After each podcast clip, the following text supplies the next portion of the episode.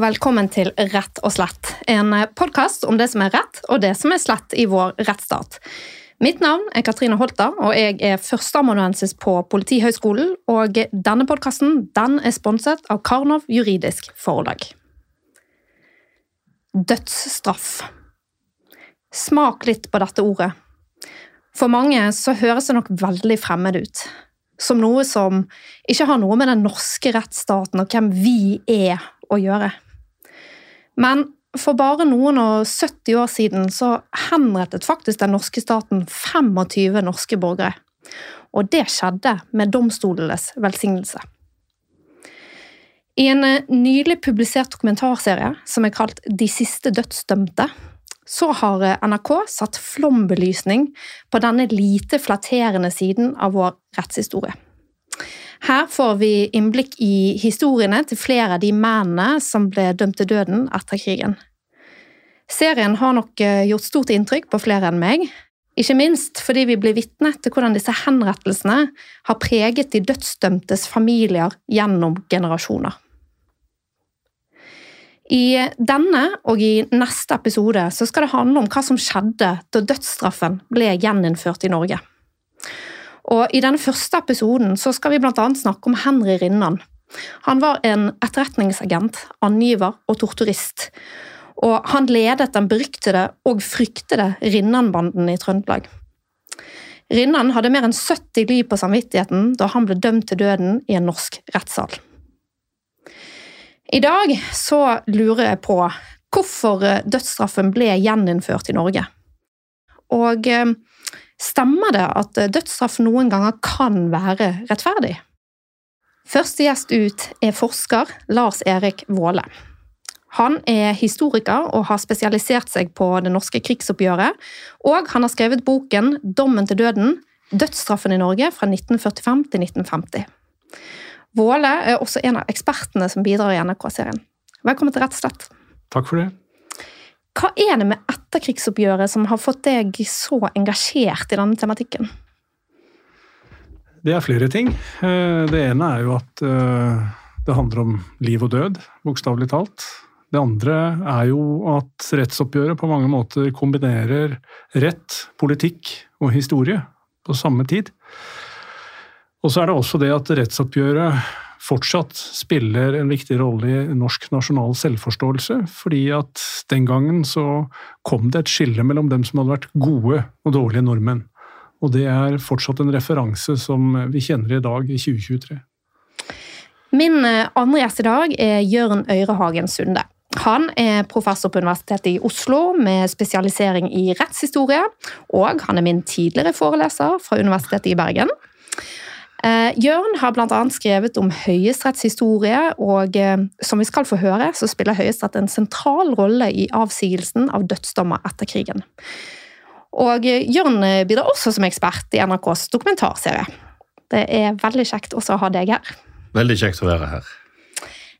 Og da kan vi starte med spørsmål om hvorfor kunnskap om rettshistorie er verdifullt for oss i dag. Det er nok fordi historien er alltid med oss, enten vi vil eller ei. Vi ler av våre erfaringer, det gjør vi som individ, og gjør vi som juriststand, og vi gjør det som samfunn. Og så Det med å gjøre oss bevisst på de erfaringene, gjøre oss også bevisst på i hva grad vi bygger våre valg på dem, og det gjør oss både i stand til å ta bedre valg, og ikke minst å ta andre valg enn vi ellers ville ha gjort hvis vi var mindre bevisst. Mm. Men, ehm, og jeg sender ut dette spørsmålet her, altså, og slenger seg på den som vil. Men eh, hvis vi går tilbake igjen da til 1945, hvordan var egentlig stemningen i Norge når oppgjørets time kom? Jeg tror det var en kombinasjon av lettelse, men også forbannelse. Fordi at denne okkupasjonen hadde jo ført til at folk mistet livet. Det hadde ført til brutalitet, fangenskap, også mangel på ressurser. Eh, og nå skulle de ansvarlige stilles eh, til rette for dette. Er det en sånn blodtåke som kommer inn?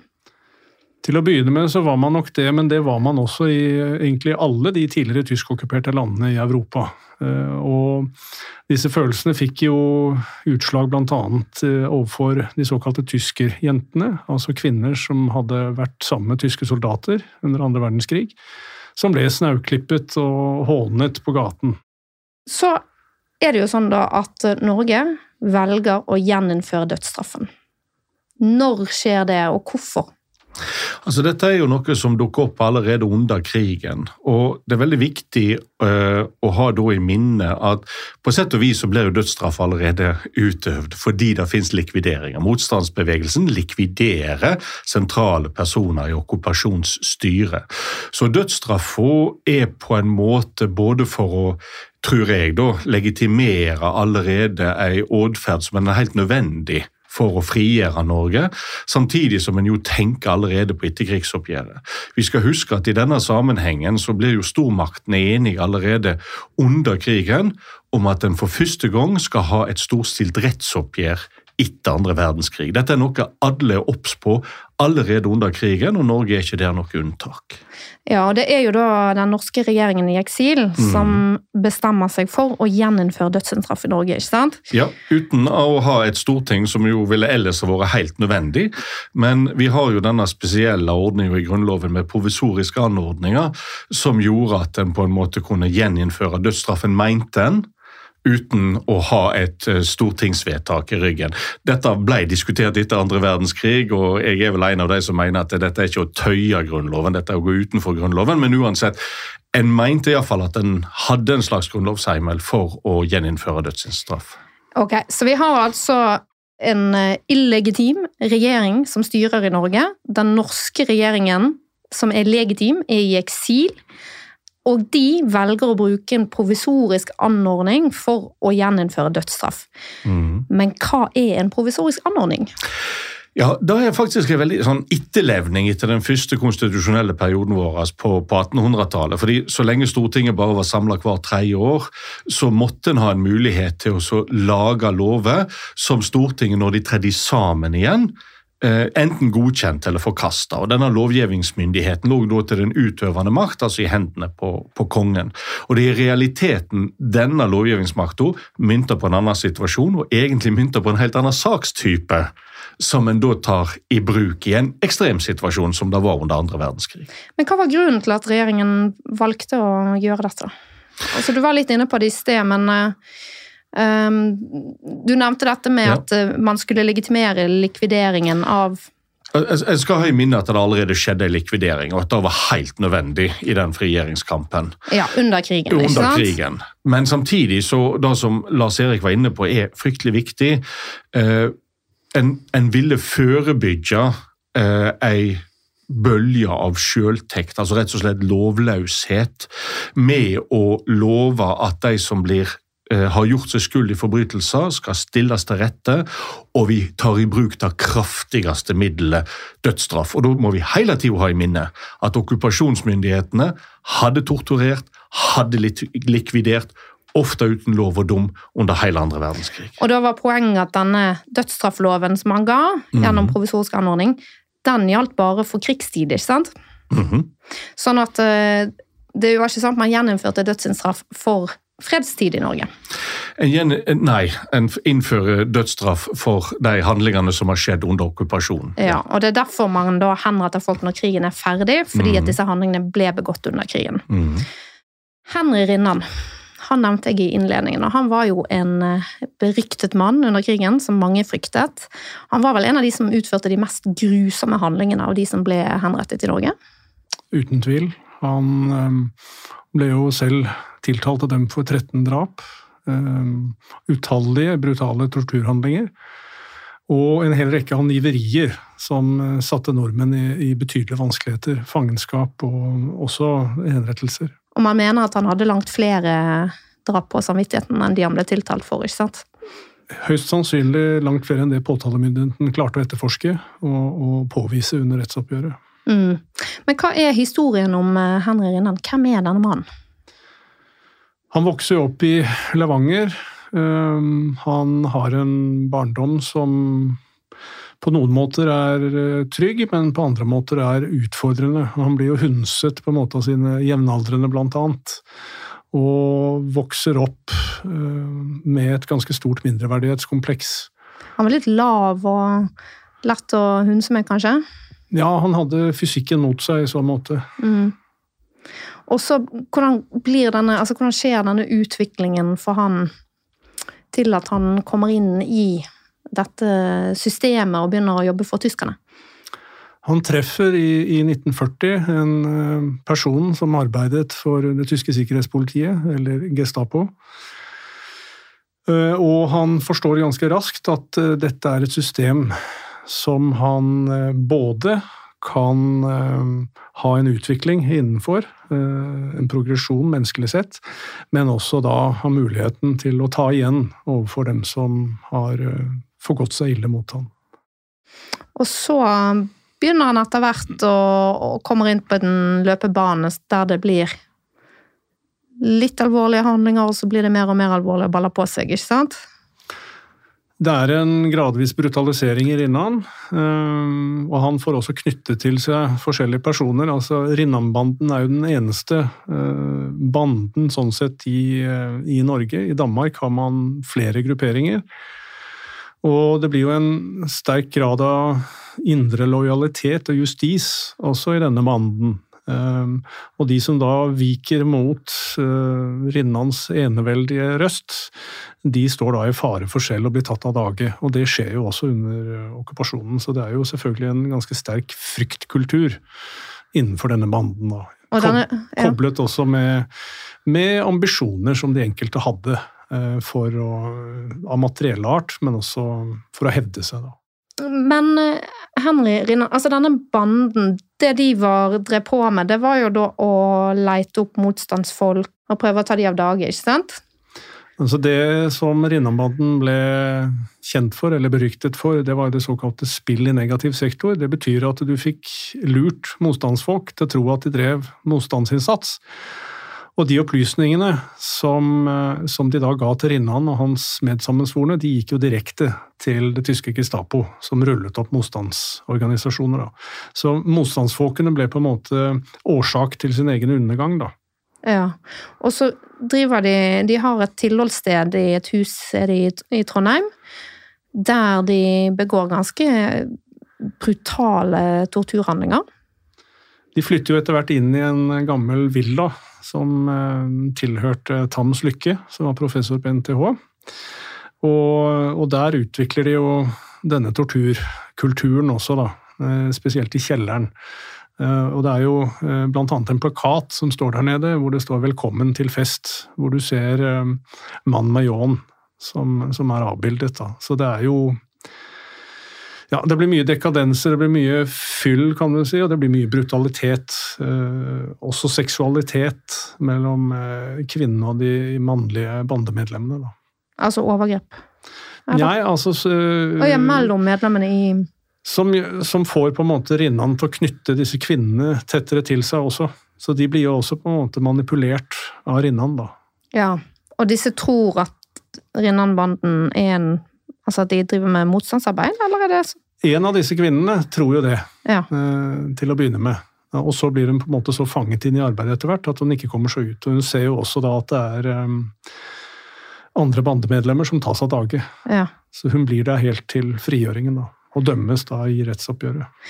Men i og med at um, vi i denne episoden særlig skal fokusere på rettferdighetsargumentet fordi det er jo ofte det man hører, at noen ganger så er dødsstraff helt nødvendig fordi at det er eh, Det trengs for å oppfylle rettferdigheten. Så tror jeg også vi trenger å høre, selv om det er groteskt, litt mer detaljer fra disse torturhandlingene som de kunne finne på i denne kjelleren. Ja, det er jo, Et eksempel er jo eh, denne motstandsmannen som eh, da, de da tvinger til å rulle seg i glass. En annen en jo, får jo eh, brent inn hakekorset med glødende jern. Eh, de bruker eh, slag. De bruker køller, instrumenter, pisker. De vrir om fingrene, ikke sant. Altså, fantasien har ingen grenser i, i bandeklosteret til Rinnan. Og dette er litt viktig for å forstå det vi allerede har vært inne på, altså da raseriet. Det ønsket om hevn som finnes etter frigjøringen i 1945. fordi når en går inn i disse enkelte som ble dødsdømt, uh, mange av de hadde jo vært involvert i tortur, ikke alle, så er det sånn at du blir helt fråstøtt og, og direkte kvalm når du leser beskrivelser av disse gjerningene, fordi det er grusomhet av en type en nesten aldri ellers kommer borti. Mm, og jeg tror jo òg at det er lett å tenke i dag for oss at vi ville gjort annerledes, men dette er jo viktig, da, som du sier, for å forstå den opinionen som oppsto rundt dødsstraffen.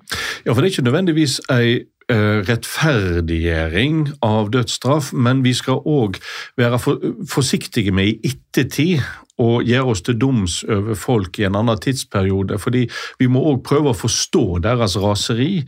fordi Det, det som det ble snakket om, det det gikk rykte om, og ikke minst alt det som kom fram etter frigjøringa, må ha vært for mange redselsfullt å forholde seg til. Og Hva er det som da skjer når freden kommer? Altså, Hvordan er det at oppgjørets time forløper seg fra dette tidspunkt? Det, det, første er jo at det skjer jo ikke noe med en gang. altså Det som skjer er jo arrestasjon, at en setter i gang etterforsking. Men altså det tar jo en stund før dette skal gjennom den kverna som, som, rettsvesenet er. Selv om en lagde strukturer som gjør at dette skulle behandles raskt, så, så, tar det noe tid. Og det har jo selvsagt med rettssikkerhet å gjøre. Men det som er veldig viktig, er jo nettopp at en insisterer på det. At en ikke ønsker selvtekt. En ønsker ikke det samme i Norge som en fikk veldig mange steder i Europa. F.eks. Altså kvinner som blir tvangsklippet på åpen gate og håna pga. deres relasjon til tyskerne. Slike ting skjer òg i Norge, men en var veldig obs på at en ikke ønsket det. En ønsket at ting skulle inn i, i rettsvesenet. Det gjelder jo selvsagt regjeringa som hadde sete i London, men dette gjelder òg blant lokale lensmenn i Norge. Mange lensmenn var veldig klar på, straks frigjøringa skjedde, at de f.eks. arresterte NS-medlemmer og fikk de frakta ut av bygda for at en ikke skulle oppleve sjøltekt. Så eh, bevissthetsnivået, når jeg har gått inn i dette, så er jeg blitt ganske overrasket over hvor høyt det var. Og det som skjer eh, videre da, er at uh, statsadvokaten tar ut en tiltale. Mm -hmm. Og eh, i retten så legges det ned påstand om dødsstraff mot Henry Rinnan, blant annet. Um, og han eh, blir jo da dømt til døden. Han anker jo da hele veien, gjør han ikke? Og Høyesterett uh, konstaterer denne dommen. Um, hva er det som Altså, hadde man noen planer for hvordan man skulle gjennomføre henrettelse? Altså, dette var jo Dødsstraff var jo avskaffet i Norge. Dødsstraffen hadde jo ikke blitt eh, praktisert i fredstid siden 1876, og da var det jo med halshugging. Ehm, og bøddelen var for lengst død. Ehm, og Det som ble viktig for myndighetene, det var å knytte disse henrettelsene til at dette var forræderi begått i krig, og derfor så skulle henrettelsene foregå ved skyting. Og Så kom jo da bestemmelsene om hvordan dette skal foregå. De kommer sommeren 1945, eh, mens den første dødsstraffsaken egentlig føres for eh, domstolene. Og Der blir det jo fastslått at det er politiet som skal gjennomføre disse henrettelsene, sånn at de ivaretar på en måte påtalemyndighetens oppgave da, i forhold til rettsoppgjøret. Og da må de også ta på en måte skrittet fullt ut og skyte de som blir dømt til døden. Mm. Og det, over tid så viser det seg jo også at det blir mer og mer protester i politiet internt mot uh, disse henrettelsene. Ja, så De viser jo til at det ikke skal være politiets oppgave å ta liv, men å beskytte. Ja, Vi må jo huske at uh, selv under uh, okkupasjonen uh, så er jo altså Politiet er virksomt, eh, og det slettes ikke alle i politiet i Norge som, som er en del av det undertrykkende systemet. Politiet er en av de faktorene som under hele krigen skal på en måte beholde eh, ro i det sivile samfunnet. Eh, og som sagt, selv om en del ble mer eller mindre frivillig medlem av NS, så er det en masse politifolk som står utenfor det systemet, som bidrar motstandsbevegelsen osv. Ja, og det er jo eh, ikke bare Rinnan i denne banden, altså ikke bare lederen som blir henrettet. Eh, det er vel Åtter i tillegg til, til Henry Rinnan sjøl. Ja. Altså det, det, er veldig interessant å se på enkelthistoriene til de som er med i Rinnanbanden, og, og sammenligne dem med en del av de andre torturistene som ble dømt andre etter andre verdenskrig. For som Lars Erik er inne på, akkurat som med Henry Rinnan, så er det en gradvis brutalisering av folk. altså En har nesten som et slags system å få folk inn i den torturistrollen, Og det er noe av det veldig interessante, for det forteller noe om hvor alvorlig det er å få et menneske til å begå slike handlinger. For det er ofte en, en forsiktig vei inn. Flere av disse torturistene begynner som tolker, altså de, de overværer disse handlingene. Flere av de får beskjed om at eh, de har noe å hevne. Noen har vært ute etter deres eget liv, tatt livet av noen i deres egen familie osv. Du har et slags system for dette. Flere av dem har òg vært ved østfronten. I Rinnanbanden er det òg litt spesielt, fordi der har du torturister som nærmest kommer fra motstandsbevegelsen og begynner å torturere sine egne eh, fordi de er blitt fanga i dette veldig komplekse og utspekulerte spillet til Henry Rinnan, det negative spillet. Så er det jo sånn med Rinnan også at han bruker brutalitet som en markør av lojalitet til seg selv. Så jo mer brutale handlinger de er villige til å begå, jo mer lojale fremstår de overfor Rinnan. Og han tester jo også to av bandemedlemmene som da henger. Eh, to andre bandemedlemmer som har vært svikefulle. Og de parterer også likene etterpå. Så det sier noe om brutalitetsgraden og hva Rinnan forlangte av sine medarbeidere. Jørn, vi har jo hatt eh, dødsstraff i Norge før også. Ja. Um, hvordan fungerte det, og når ble det formelt avskaffet? Ja, Vi kan faktisk begynne med når ble det formelt innført. fordi Opprinnelig så var det nemlig bare træler eller slaver som ble henrettet. Eh, frie personer som eh, begikk alvorlige forbrytelser, kunne bli fredløse. Det betydde jo at enhver kunne strengt tatt drepe dem, men staten stilte ikke opp med noe apparat for å henrette folk. De hadde rett og slett ikke rettslig vern lenger? Ja, det er det som skjer. Men en sånn organisert henrettelse av slike personer, det skjer ikke. Så vi får faktisk ikke dødsstraff innført i Norge før i 1204 1974 med, med, landsloven. Og da i veldig få forbrytelser, det er spesielt tyveri som blir, blir reagert mot med, med, henrettelse, faktisk, ikke drap. Hva er begrunnelsen for det? Er det fordi man tenkte at eh, for tyveri så var det så viktig med allmennprevensjon? Nei, rett og slett fordi drap anså en for å kunne være en meget hederlig forbrytelse, mens tyveri da var strengt uhederlig. Altså, Det har å tuske inn i nattens mulm og mørke og prøve å stjele andre folk sin eiendom, da var det uhederlige folk som gjorde. Å drepe noen da kunne jo rett og slett da kunne være en ærefull ting, nesten. Så, så dette er et annet samfunn med andre verdinormer enn, en det vi har i dag. Eh, mye bruk av dødsstraff det skjer veldig seint i Norge. Det kommer først og fremst i løpet av 1500-tallet og er en import utenfra. Og så er 1600-tallet høydepunktet for bruk av dødsstraff i Norge. I løpet av hele 1700-tallet, spesielt etter 1730-tallet, så går det jevnt nedover. Eh, da en ser er at dødsstraff blir ofte idømt og nesten alltid eh, føler det med en benådning. Det skjer jo strengt tatt etter andre verdenskrig òg. Unnskyld, flere dødsdømte blir jo benåda for livsvarig fengsel for så å slippe ut etter noen år. Men bare et lite sånn digresjon her. altså Kvinner som ble brent på bål i Norge som mm. hekser. Mm.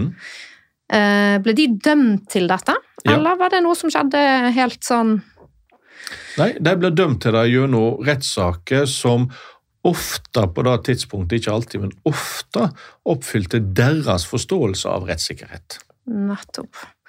Ok, og så har man dette altså da frem til 1876? Ja, og 1800-tallet så er den, altså Svartbekken, som er den siste som ble dømt til døden og halshogd eh, For så vidt er de, de er tre stykker som, som, som ble eh, halshogd i 1876. Han er typisk for de som blir dødsdømt på 1800-tallet. Han er en rovmorder. En som har tatt livet av flere for å, rett og slett som en del av en, en tyverivirksomhet. Og hva er grunnen da? Altså, Hvilke argumenter er det som begynner å på en måte sive inn, og som gjør at man, man får en bevissthet knyttet til at uh, dette kanskje ikke var den mest hensiktsmessige straffereaksjonen? Altså, Dette begynner faktisk allerede under hekseprosessene på 1630-tallet, og det er en erkjennelse av at en rett og slett kan gjøre feil. Altså Selv om du har tilståelse, selv om du har vitnebevis, så ser en at av og til så gjør en feil. Og det er den bevisstheten som både fører til at du etter hvert får en kamp mot hele dødsstraffen som institutt, men dette ligger jo også bak den benådnings, hyppige benådningspraksisen som vi etter hvert får. Så erkjennelsen av at en kan gjøre feil, er det essensielle. Og hva er benådning? Benådning er rett og slett altså når, når rettssystemet har behandla en sak, så kan den utøvende makt, altså kongen, og da er fremdeles tilfellet, gå inn og si at i, i visse saker så finnes det omstendigheter som gjør at en kan fravike den strenge rettferdighet, og så kan en gi nåde. Mm. Jeg syns det er interessant den utviklingen som er i norsk strafferett på 1800-tallet også, hvor du får en gradvis humanisering, menneskeliggjøring, og hvor fokuset går mer fra eh, forbrytelsen til forbryteren. Og tanken om resosialisering, det at eh, forbryteren skal kunne bli en nyttig samfunnsborger igjen, da, får større og større vekt. Og når eh, riksadvokat eh, Bernhard Getz, han var også professor eh, på universitetet, eh, leder straffelovkommisjonen fra 1885, så undersøker man jo nettopp hvordan forholdet er i de andre eh, landene i Europa. Og Tanken hans er da at Norge må være på et sivilisert rettsstatsnivå, og er man det, så skal man ikke ha dødsstraff. Og eh, Et annet argument for han er jo da også at eh, dødsstraffen eh, ikke har vist seg å være avskrekkende.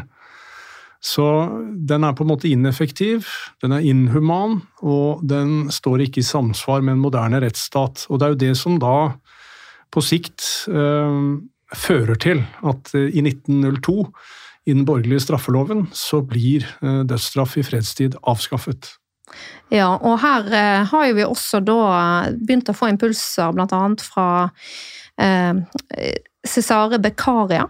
Ja. Det er jo slutten av Sier jeg navnet riktig? Cesare Beccaria. da stemmer italiener, ja. ja. og Han mente jo da at staten ikke hadde rett til å ta menneskeliv. En filosof og kriminolog fra Italia. Ja, og han var på en måte ikke enestående. Charles Montesquieu har lignende tanker osv. Dette er veldig vanlig innenfor opplysningsfilosofien. Enkelt, altså, Det var ikke dermed sagt at en var for å avskaffe dødsstraff. Montesquieu for eksempel, mente at dødsstraff var høyst problematisk, men han var veldig for å idømme det, bare at en passet på å benåde ikke utførende etterpå. Eh, eh, men det som skjer på 1800-tallet, og som Lars Erik er, er inne på, som er veldig viktig, det er jo at han rett og slett begynner å diskutere den avskrekkende effekten. Og Den viser seg jo å være nesten helt fraværende. Ja, og det er vel kanskje fordi at mange drap blir begått i affekt. Så det er ikke så veldig sånn at man tenker så mye på konsekvensene før man handler. Ja, og derfor er det òg som sagt rovmorderen som blir henrettet eh, på 1800-tallet. Eh, det er den som har begått flere drap, ofte for vinningshensikt, der en ser på den vonde vilje som så ukuelig at forbedringspotensialet er nesten fraværende. Ja, og det er jo også sånn i kriminalloven at man definerer det som mord hvis det er begått med overlegg og en bestemt intensjon. Mm. Ja, så er det jo mm, Parallelt med denne strafferettslige utviklingen, så er det jo også uh, dette med utviklingen av fengselsvesenet som, uh, som et, et, system for å kontrollere forbrytere, da. Som går på en måte parallelt med den strafferettslige tankegangen. Og det er jo eh, 1902-tankegangen som virkelig blir satt på prøve da i, i, 1940, da okkupasjonen kommer. da. Ja, for det, eh, den moderne straffeloven vår var fra 1902 inntil det kom en ny straffelov fra 2005 som ble innført i trådte i kraft i 2015, om jeg husker riktig. Og da, eh, så, det, så det er denne relativt moderne straffeloven vi har fra 1902, da, som du refererer til her når du sier 1902-tankegangen. Ja. Og det, der, må det jo legges til at den er voldsomt avansert for si tid. 1842-straffeloven eh, ble jo avskaffa ganske fort, og det er fordi den kommer i en utviklingsperiode der utviklingen etter hvert bare forlater hele straffeloven og parkerer den. Mens 1902 den er såpass framtidsretta, bl.a. pga. Bernhard Getz og Francis Hagerup og en del veldig høyt kvalifiserte folk som ikke bare markerer seg i en norsk strafferettslig sammenheng, men også i en europeisk, og som lager en straffelov som egentlig ikke blir umoderne før vi kommer ut på 1990-tallet. Mm, dette var jo en sånn Man kan jo kalle det en slags um, eh, høytid si, i eh, strafferettsteorien òg, der mm. det skjer veldig mye spennende på 1890-tallet med impulser fra tysk strafferett som var veldig god på den tiden. der. Men ok, vi skal gå litt videre. Vi har snakket om Henry Rinnan. Eh, men det er også en annen karakter som eh, blir belyst i denne NRK-serien, og han heter Holger Tau. Hvem var Holger Tau? Han blir jo også henrettet til slutt. Ja, altså Holger Tau er en bondegutt fra rett utenfor tettbebyggelsen i Stavanger Storvokst kar, men intellektuelt ikke like utvikla som, som, fysisk. Han blir nok regna som på grensa av eh, litt mentalt handikappa eh, under rettssaka. Eh, han har en oppvekst der han egentlig ikke gjør seg bemerka på noe som helst måte. Han er ikke voldelig, eh, han er litt inneslutta. Han blir nok egla på skolen fordi han er dyslektisk, han henger ikke helt med de andre i de faglige aktivitetene. Men eh, og så er han en person som en del av disse, som, som blir dødsdømt og som blir dratt inn i dette eh, okkupasjonssystemet. Han driver litt rundt, han eh, har vansker med å finne seg jobb, han har litt vansker med å finne seg til rettes. Men når tyskerne okkuperer Norge, så driver han og samler dynamitt for å drive med sabotasjehandlinger. Altså Han er faktisk mot tyskerne. Mot tyskerne og det, det, er det flere av disse som skal bli dømt, som egentlig er på den andre sida, Henry Rinnan òg, faktisk. Sånn at eh, det, det, det, er ingenting som, som indikerer at han skal skal bli en torturist for tyskerne, før han finner sin plass i Hirden. Altså Hirden er, skal vi ikke undervurdere. Som, Hvem var det? Ja, altså Hirden er en slags sånn uh, ja, ungdomsbevegelse der unge menn får en plass. Der de, der de, de, blir lært at de er de gode, de er, de fram, de er framtida. De skal være med og rydde ut av råtna i samfunnet, det dekadente fra 30-tallet. Eh, og der legitimerer en voldsbruk som en del av dette. Og den, den retorikken, altså den dikotomien mellom oss som representerer framtida, er de gode, og de andre som er de råtne og som skal ryddes ut av samfunnet, den retorikken legitimerer denne voldsbruken. Og det er da vi først ser at Holger Tau utøver vold, nesten sanseløs vold. For plutselig så blir den fysiske styrken hans da, da får et formål han skal være med å skape noe godt. Han er et redskap for noe positivt, og da ser ut til å åpne opp sinnet hans ifra å gå ifra vold som hirdmedlem til å bli en torturist etter hvert. Han blir radikalisert, rett og slett? Eller? Jeg vet ikke om han hadde greie på ideologi i det hele tatt. Jeg vet ikke om han brydde seg engang. Men han blir følelsesmessig avstumpa. Og han kommer inn i et regime der han etter hvert blir en veldig villig torturredskap og torturist for okkupasjonsmakta. Og på den ene sida så er han jo en kjærlig sønn. Familien var fryktelig glad i han, han var veldig snill mot sin familie. Men når du samtidig da leser det han gjør i Gestapo-hovedkvarteret i Stavanger mot fangene, den volden han utøver, som til tider er så voldsom at tyskerne sjøl må stoppe han, eh, så møter du en helt hensynsløs voldsutøver og torturist. Han var jo også under veldig sterk påvirkning av eh, den ledende mannen i Gestapo i Stavanger, som het Arnold Høsler, som var kjent for å være ekstremt brutal og som fikk, eh, fikk Tau inn som sin læresvenn, for å si det sånn. Og En annen side ved Tau er jo det at han han hadde jo vært på østfronten og på et av de mest brutale eh, områdene, og opplevd på en måte den traumatiseringen som lå i det. Det ble som en kjøttkvern, hele østfronten, ikke sant? Mm, som frontkriger, da. Ja, og han, han uh, man har jo ikke noe forståelse eh, i rettsoppgjøret av posttraumatisk stressyndrom, altså hva, hva disse fronterfaringene fikk å si for menneskesinnet. Og som Jørn har vært inne på, eh, for en, en sjel som i utgangspunktet er litt enkel og autoritetstro, så er eh, vel kanskje veien langt kortere til den type brutale handlinger som, som man gjorde. Og foruten torturhandlingene så var det jo sånn med Holger Tau, eh, da han var med på aksjoner mot motstandsfolk som gjemte seg, så var han den første til å gripe til geværet og maskingeværet og pepre disse hyttene med, med skudd også. Han, Men han var eh, som en niåring, var det sånn? IQ-messig? Eh, nei, litt mer. Eh, Ca. sånn 14. Kanskje 13-14. Ok, Så han er da utvilsomt over en sånn type IQ-grense der man snakker om skyldevne i strafferetten? Han har skyldevne, helt korrekt. Ja. Og, men tar han liv, eller er det torturhandlinger utelukkende?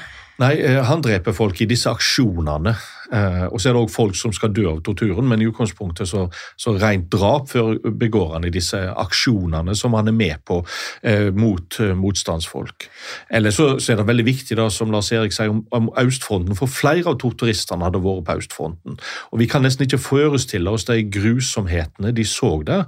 Og for Holger Tau går det jo så vidt at han rett og slett får et uh, mentalt meltdown og blir sendt på, på mentalsykehus uh, militært i Østerrike i en periode. Der er han ganske lenge. Så, så han har sitt ting som gjorde at han til slutt ble følelsesmessig fullstendig avstumpa. Og så er det jo også eksempler på, på, traumatiserte frontkjempere som kommer hjem, og som da ikke ønsker å ut til fronten igjen. Men den eneste måten å unngå det på, det er å komme inn i tjeneste for da um, institusjoner i Norge som det norske statspolitiet eller det tyske Gestapo. Et eksempel på det er jo en eh, frontkjemper som heter Olav Aspheim. Som har, eh, som har vært på, på, østfronten, kommer tilbake, uh, har fått seg en kone der, uh, for barn. Uh, og ønsker da å egentlig trekke seg tilbake og kanskje til Hønefoss for å drive med jordbruk, slik familien hans har gjort men dette blir jo da nektet han av eh, lederne for politiet, og han går da inn i tjeneste for eh, statspolitiet i Oslo og i tett samarbeid med Gestapo, og, utfører jo helt forferdelig brutale handlinger. Men jeg vil jo anta at flere av disse eh, anfører i retten at de har handlet pga. tvang, og at livet deres ville gått tapt hvis ikke de gjorde som de sa. Mange anfører slike argument og andre unnskyldende argument. Er det holdepunkter i det for det, eller hva vet vi om det? Du kan si at det som jeg vil iallfall si fra en ettertid, som rettshistoriker i ettertid, det er jo at eh, vi skal hele tida huske på at det var en god del som valgte annenslags. Eh, og sånn at eh, på den ene sida så kan vi jo finne en masse ting, da, som de sjøl òg anfører, sånn, som driver de inn i denne virksomheten.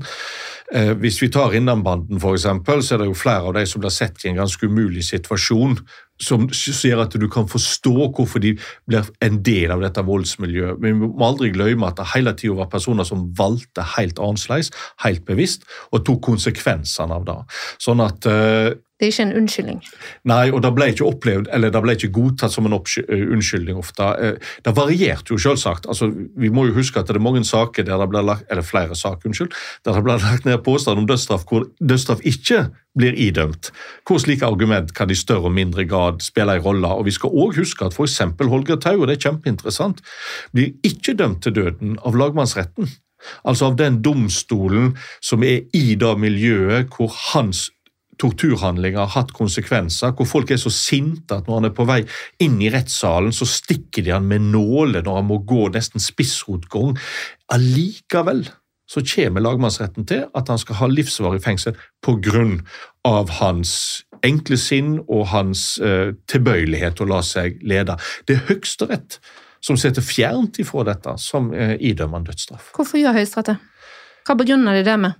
Altså, for jeg tenker jo at Selv om ikke det er unnskyldninger, så er jo det noe som er relevant i et spørsmål om straffereaksjon. Ja, definitivt. Altså, For meg som rettshistoriker var det en liten overraskelse at jeg finner flere ganger at lagmannsretten idømmer livsvarig fengsel, og så sitter Høyesterett og idømmer dødsstraff. For Jeg ville trodd at Høyesterett er den som er på distanse, den som ikke føler raseriet. Jeg ville trodd at lagmannsretten var den som skulle være voldsomst, og så skulle Høyesterett formilde. Og, og sånn er det ikke. Eh, jeg tror det er fordi Høyesterett i større grad driver med politikk. Jeg tror Høyesterett følte et ansvar for å legge et for å starte en freds- og forsoningsprosess der en viss mengde dødsstraffer var nødvendig. Jeg tror Høyesterett følte på det presset. Jeg vet ikke hva du tenker, Lars Erik? Det tror jeg Jørn har helt rett i, og så er det jo viktig å merke seg også med Høyesterett at det også fantes dommere der som gikk imot en folkeopinion og et eventuelt politisk trykk, da. Eh, det er en fraksjon i Høyesterett som nesten konsekvent til å begynne med stemmer mot dødsstraff. Og I den første dødsstraffsaken mot Reidar Holland så er det jo et mindretall som ønsker å eh, idømme han 20 års fengsel. Reidar Holland var han var eh, frontkjemper, han var i det norske statspolitiet, han var i Gestapo på Victoria terrasse, hadde utført tortur. Men mindretallet sier at eh, dødsstraffen bør nok eh, reserveres for tiltalte som har utført verre handlinger enn han. Og det er klart, Høyesterett kommer jo også i en vanskelig situasjon når det har satt terskel for å bruke dommen til døden i nettopp saken mot Reidar Haaland. Eh, og det kommer opp senere saker da, bl.a. saken mot Holger Tau, hvor eh, det er langt flere tilfeller og det er mye større grad av brutalitet. Så jeg tror for, for Høyesterett eh, så var det et ønske også om å holde en, en helhetlig linje i oppgjøret. Men det er jo vanskelig på en måte hvor man skal stoppe, da. I rettsoppgjøret når det er nok nok når det gjelder dødsdommene. Mm. I denne dokumentarserien, Jørn, så snakker du, du snakker om Holger Tau, og du snakker også om Sverre Risnes. Ja. Sverre Risnes var jo justisminister under Quislings eh, illegitime regjering. Eh, og du nevner i dokumentaren um, egentlig at og dette er vel ikke dine ord, men at oppgjøret får en slags sosial slagside. Mm. Vil du utdype hva du mener med dette knyttet til da Sverre Risnes? Ja, det er klart at uh, de aller fleste av de dømte, det er unge menn ifra relativt vanlige, til dels enkle kår, som har gjort seg skyldig, og da skal vi ikke under uh, Da må understrekes, som har gjort seg skyldig i grusomme handlinger. Ofte tortur, altså veldig konkrete handlinger som fører til mishandling, drap osv. Uh, og det, det er de aller fleste. Og så er jeg opptatt av at ja, de er en del av et system. Det er noen som har legitimert den typen handlinger, har lagt alt til rettes for at det skal være en, et system de skal kunne gli inn i og utføre disse handlingene. De sitter på toppen. De får ikke blod på hendene. Det vil si Sverre Risnes gjorde det faktisk, for han eh, bidrar sannsynligvis påvirka av alkohol eller av stoff i en uh, eksekveringshandling uh, på et tidspunkt. Uh, Senere skal han snakke vekk sitt eget bidrag og si at han skjøt mer i lufta, han, han sikta ikke på den som ble, ble henretta.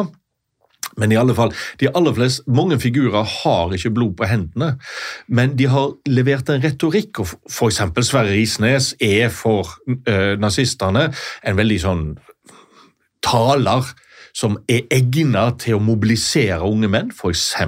til å reise til østfronten.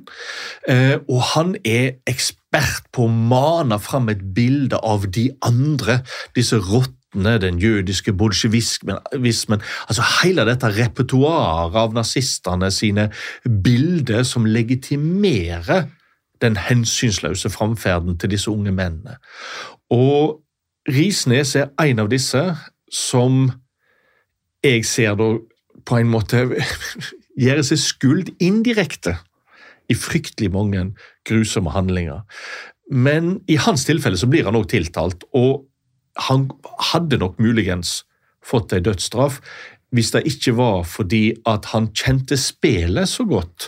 Han var jo tidligere statsadvokat, og han blir rett og slett stoppa fordi han er først funnet tilregnelig. Det er han. Han er undersøkt, men han lager så mye brudulje, så mye støy. altså rett og slett, Vi snakker om en mann som roper som et dyr i rettssalen, sånn at rettssaken blir stoppa og blir aldri gjenopptatt. Og så blir han uh, sett hen til en uh, mental institusjon, uh, der han delvis får behandling, delvis driver rett og slett gardsbruk. altså Det var jo en del av slike mentale institusjoner. og blir etter hvert gardbruker på Finnskogen, reiser til Italia, senere bosatt i Wien og kommer hjem til Norge og dør på aldersheim her. Det ganske interessant, men Han hadde jo studert dette med rettspsykiatri en del i sin, sitt virke som statsadvokat, og han visste nok eh, hvilke strenger han i så fall skulle spille på. Han ble regna som en ekspert på dette. Så da er det ikke så rart at man mistenker han for å ha spilt spill? Nei, da er nettopp da, vi vet jo ikke, la det være sagt. Men det er interessant å holde han opp med Holger Tau, for Holger Tau er òg mentalsjuk, og da vet vi jo han hadde vært. Han, altså, han hadde vært på mentalsykehus i, i Østerrike. Eh, så, men, men, han blir på en måte avslørt. De finner ut at han er ikke egentlig mentalsjuk, og han innrømmer det. Han sier han er fryktelig redd for å dø. Og, og, og da var vel nettopp det samme med Risnes, bare muligens, nå spekulerer jeg litt, han kjente spillet bedre. Det finnes et ganske interessant intervju med Sverre Risnes eh, som eh, man finner hvis man søker opp Museumen i NRK-podkasten, der han eh, Dette gjøres vel jeg lurer på om dette intervjuet gjøres i 1982. Avtalen med NRK da var at dette intervjuet skulle ligge urørt eller i arkivet i, til noen generasjoner senere, før det ble spilt av, og så ble det spilt av i 2020. Eh, og det er jo en vaskeekte nazist man intervjuer i denne samtalen her. Ja, altså En av de tingene som overrasker meg mest etter hva som jeg har jobba med dette materialet, og dette må jo gjerne Lars Erik som har jobba enda mer med det, kommentere, men jeg trodde at jeg skulle møte mange flere angrende syndere og familier som, som anklager sine familiemedlemmer for å ha bidratt til dette systemet, og så fant jeg mye mindre anger enn da jeg hadde trodd, faktisk. Det, det, tror jeg er en helt riktig observasjon fra Jørn, men jeg har en knyttet til en av de som ble dømt til døden, som da ikke er med i serien. Han fikk dommen nedsatt til livstid.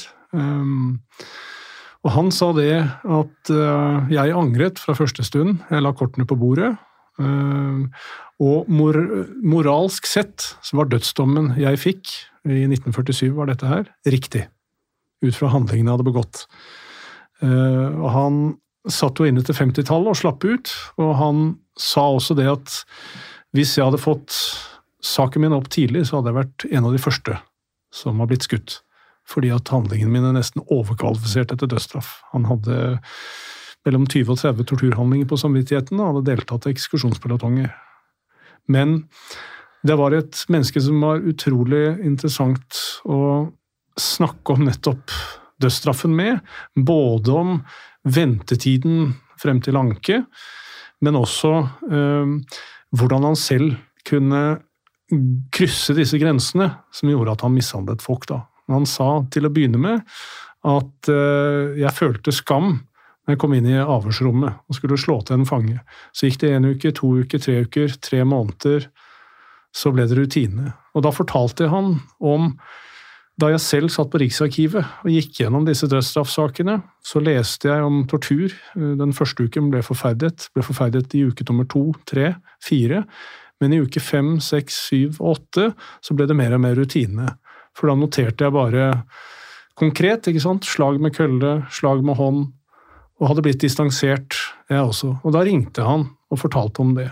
Og da sa han at da har du forstått mer av hvordan den utviklingen var i meg selv interessant. Og eh, det får også bli siste ord for eh, denne ukens episode. Det kommer en del to av eh, denne serien om da Norge gjeninnførte dødsstraff, som kommer da på luften om to uker. Og da skal vi gå mer inn på enkelte av de andre sakene og spørsmålet om rettssikkerheten var god nok i etterkrigsoppgjøret. Takk for i dag.